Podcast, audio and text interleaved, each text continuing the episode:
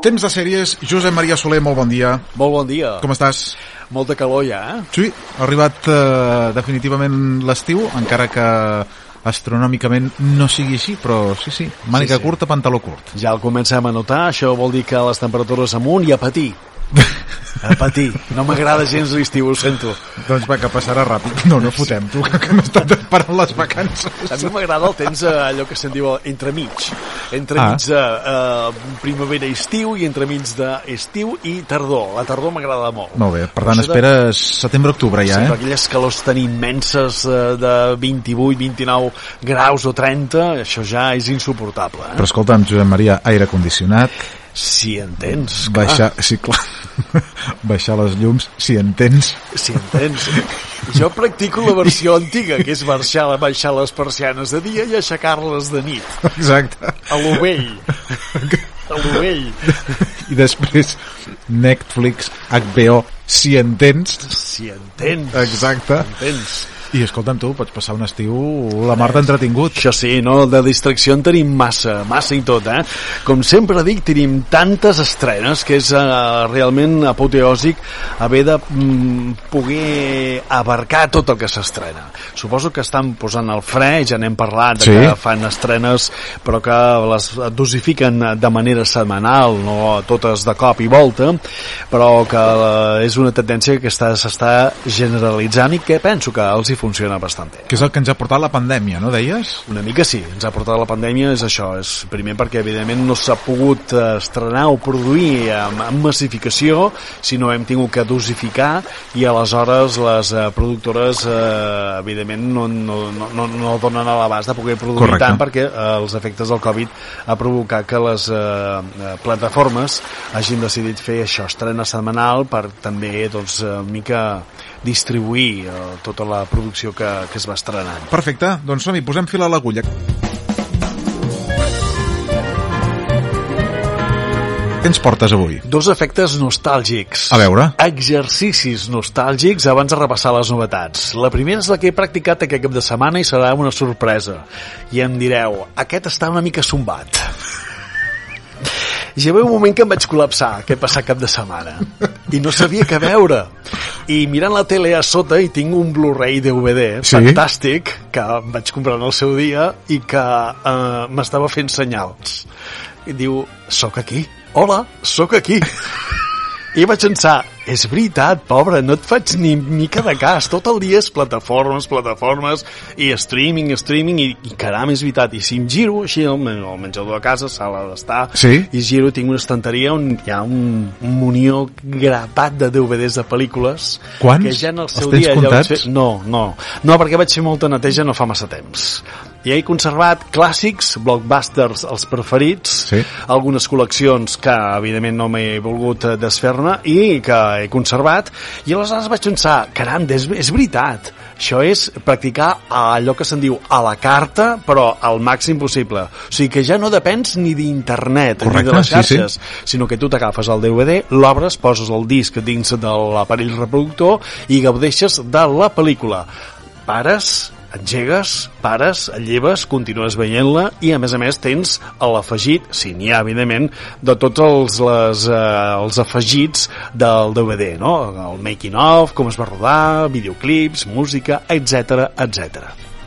I ho vaig practicar i vaig agafar dues pel·lícules que penso que i és una recomanació que si sou a casa Sí? i teniu vídeo, VHS Ostres. Atenció, que suposo que encara n'hi ha algú qui deu haver, que deu tenir pel·lícules de eh, Segurament, VHS segurament. o DVD, fer l'exercici de practicar, de recuperar aquest material que sembla que en el seu dia vam, bé, en el seu dia vam utilitzar molt, Sí. però que ara amb les plataformes ha quedat, ha quedat una mica en desús. Però aquest efecte nostàlgic va molt bé.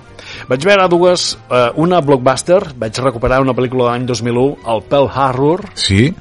amb el Ben Affleck i després vaig agafar un clàssic que no havia vist mai atenció, el Pearl Harbor sí que m'he fet un Sí, sí, par sí, de sí. veure-la la vaig veure quan es va estrenar al cinema quan la vaig comprar la pel·lícula en DVD i ara he fet aquest efecte exercici nostàlgic però vaig recuperar vaig agafar de l'estanteria un clàssic que no havia vist mai una pel·lícula de la Metro de l'any 1957 dirigida per un clàssic, un dels grans directors de la història del cinema com és Willy Wilder del 57. És Testigo de Cargo de la Metro Golden Mayer.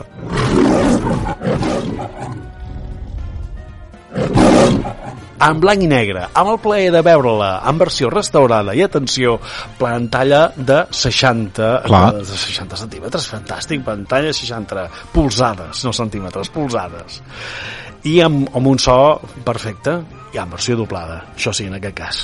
Amb uns grans actors com van ser Tyrone Power, Charles Lawton i una extraordinària Marlene Dietrich. Us la recomano si la trobeu si la podeu veure, que crec que sí que està eh, a Amazon Prime Video, penso que sí que en l'apartat de clàssics la podeu trobar. És Testigo de Cargo, us la recomano. La peculiaritat de la pel·lícula és al final, quan comencen, s'acaba la pel·lícula, amb l'efecte sorpresa, i surten els títols de crèdit o una veu en off que recomana a totes les persones que acaben de veure la pel·lícula que no facin un spin-off, que no expliquin el final. Oh que recomanen que no expliquin per eh, tal de conservar l'efecte sorpresa final de la pel·lícula. Les encarecemos en beneficio de aquellos amigos suyos que no hayan visto aún la película que no revelen a nadie el secreto del final de Testigo de Cargo.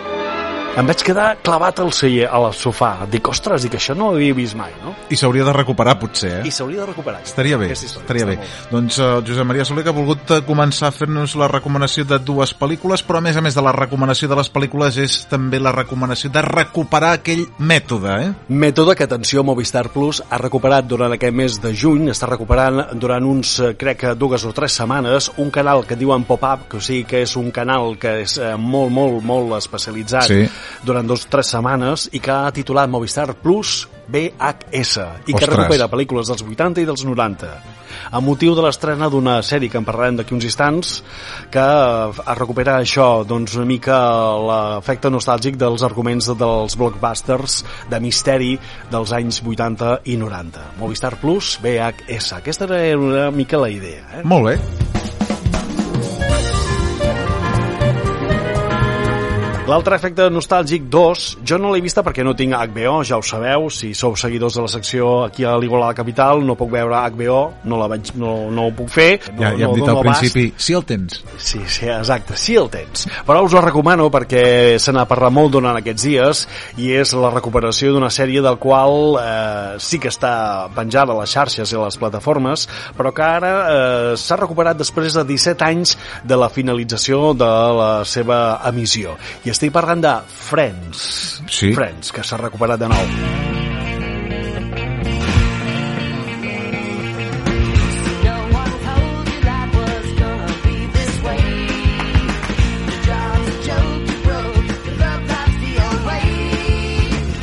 No la sèrie, s'ha fet un, un programa especial per, eh, en el qual s'ha reunit de nou tot el planter d'actors i actrius de la sèrie, se'ls ha reunit, a més a més se'ls ha posat dins el mateix plató on es va rodar amb els diferents sets eh, o escenaris la, la sèrie, eh, l'únic que s'ha conservat originalment era la font eh, aquella que hi havia en aquell parc i allà és on, diguéssim, es desenvolupa aquest capítol especial de Friends, que us la recomano. Friends va durar 10 temporades, un total de Déu-n'hi-do. 236 capítols i 10 anys, des de l'any 1994 fins al 2004.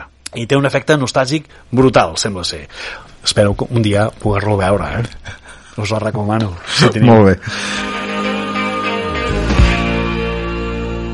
Anem per les sèries. Anem per les sèries.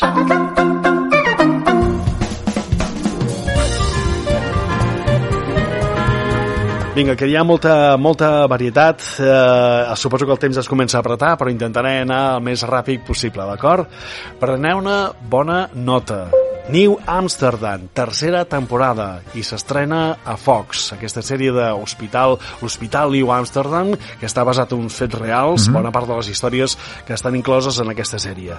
N'hem vist eh, doncs, les dues primeres temporades en diverses plataformes, a Amazon, a Netflix, i també l'ha estrenat en obert i a través de la seva plataforma A3 Media. Doncs Fox estrena, ara que mes de juny, la tercera temporada. Perfecte.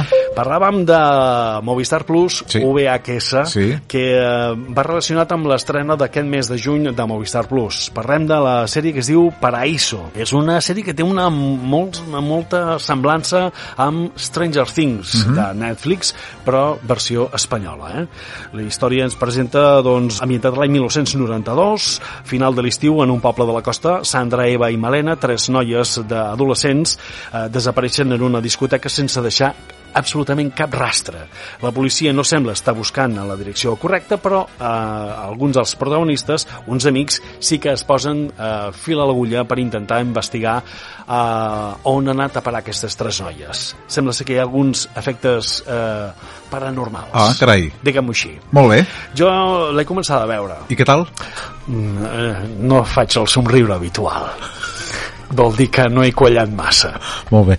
El Josep Maria Soler és com aquelles icones que puntuen eh, les somriure. pel·lícules amb somriures, un, una, una, un somriure, diguem-ne, Sí, me- sí. més eh, prominent, més gran, o un somriure més eh, justet. Més, més justet. En tinc, eh? Tinc somriures per avui, eh? Doncs va. somriures.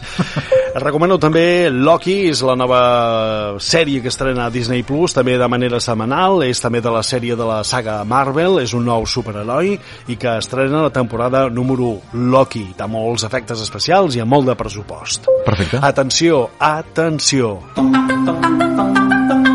Lupin, temporada 2. Uah! Netflix. Eh? O sigui que podem veure els 5 últims capítols dels 10 que s'han produït. El que passa que Netflix, intel·ligentment, suposo que s'ho van ensumar, Sí. que sortiria l'efecte eh, eh, d'èxit, doncs va dividir la sèrie ja produïda en 10 capítols en fer una primera franja de 5, a veure com funciona, i fer-ne eh, emetre els 5 següents passat uns quants mesos. O sigui que ja ja la podem veure. L'Open, temporada 2, dins d'aquests eh, 10 capítols. Correcte, sí.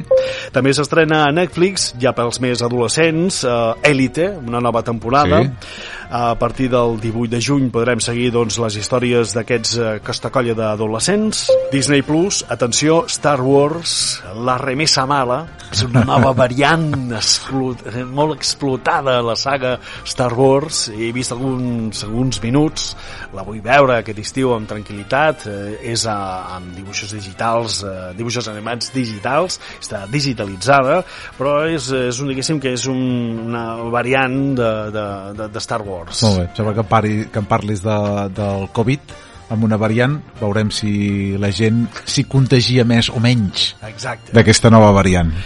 Més, més coses. Somriure. Somriure. Aquest sí, eh? Us la recomano. Eh?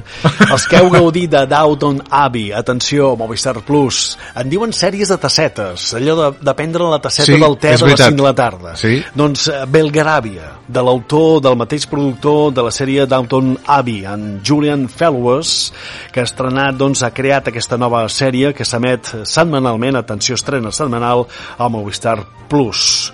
La història és la duquesa de Richmond organitza un ball en honor al del duc de Wellington. Allà estan tots els aristòcrates més destacats d'una Europa en la qual Napoleó no deixa d'avançar i estem parlant del segle XIX. I per descomptat, hi ha intrigues, amors i escàndols en l'alta societat britànica després d'aquesta festa. Molt enrevessat. Val la pena, eh? Val la pena. Molt bé. Movistar Plus, avui sembla que avui està liderant el, Sí? el rànquing de les novetats, eh? perquè us recomano una sèrie que ja s'ha emès, ja s'ha estrenat, són sis capítols, s'ha emès una primera tongada de un divendres van estrenar dos i després succe- successivament fins a tenir-la completament estrenada. És Reyes de la Noche. Buenas noches y bienvenidos a esta nueva etapa. Todos los goles, todos los protagonistas. Esto es la noche del cóndor.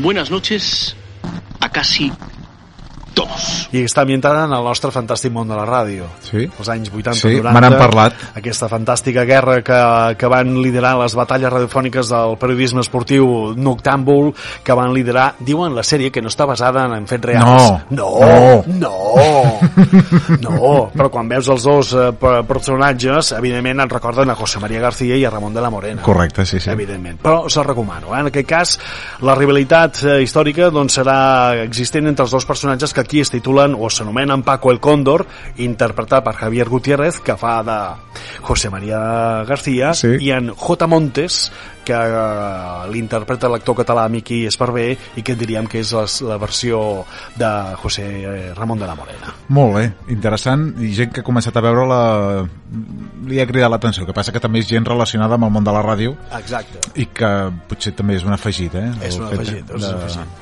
Que estigui en aquest camp. I el gran somriure.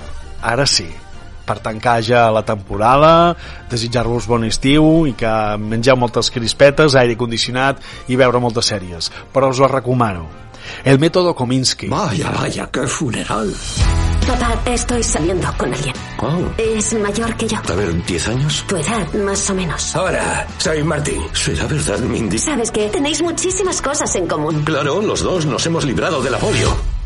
Porque se ha librado, ¿no? Atenció, a Netflix s'acaba d'estrenar la tercera temporada i ja l'he vista completa. Serà difícil superar la marxa d'un dels actors protagonistes, d'Alan Arkin, que va optar per no rodar aquesta tercera edat, aquesta tercera sèrie, volia dir perquè s'entén per l'edat, ja té 87 anys. Però qui ha mantingut el protagonisme és en Michael Douglas, que fa d'un actor ja d'una certa edat i que, que ens retroba, a més a més, amb una altra de les actrius que ja va tenir una presència a la segona temporada, però Sí. que en aquesta tercera, a manca del coprotagonista, ella s'hi ha, ha apuntat i també és coprotagonista en aquesta tercera, en aquest tercer lliurament d'episodis. I parlem de Kathleen Turner. Estan els dos extraordinaris. Tenint en compte que Douglas i Turner van ser parella, es recordem, en tres pel·lícules dels anys 80. Ostres, Després el Corbert, La joia del Nil i la, la, és que és fantàstica, aquesta pel·lícula us la recomano si la trobeu. És La guerra de los Rous. Era un matrimoni que s'ho llançaven tot per, per, molt enamorats, però després s'ho llançaven tot. Destrossaven una casa. Bé, no, expli no explico res més, no faig spoilers. Però hi ha una, moltes escenes que les veus amb ells dos junts i penses, ara que ja són eh, ja amb la bellesa Sí. i que ja tenen un bagatge i quan que els veus i et recorda, dius, mira, ha passat els anys i sembla que hagin transmutat en el temps, no? Us recomano el mètode Kominsky perquè té guions molt bons, realment mm, amb molta intel·ligència, molt toc, encara que la sèrie és britànica, però el toc anglesa volia dir, americana, Josep Maria, americana, però té aquell toc british, Sí. diguem-ne, i penso que està brillant. Passa molt ràpid de veure-la, està molt bé, és distreta, eh, passes una bona estona i et distreu, que això és, és important. I ja està, hem acabat. hem acabat. Passi vostè un molt bon estiu. Vosaltres també. Don José María Soler. Ahí està. Com a mínim hem pogut gaudir d'un fecte. Després de tot aquest any de Covid que hem fet la ràdio des de casa, que encara continuem fent la ràdio des de casa, però que hem d'aquestes últimes eh, ja, diguéssim, eh, oportunitats a poder estar, de tenir la secció de les sèries, doncs aquesta obertura, semi-obertura que comencem a tenir, la, la, la, el punt afegit i positiu de que puguem tornar a la ràdio, com, com a mínim puguem compartir doncs, un estudi de ràdio que això és per nosaltres, els que vocacionalment doncs, eh, eh, malgrat el passat, del, passat els anys que encara continuem doncs, la- l'energia i la il·lusió de venir a la ràdio de fer-la i de disfrutar-la i de compartir-la amb els companys i amb tots vosaltres, els oients No cal dir res que més. maco No cal dir res no més. res més, bon estiu Igualment. Adéu.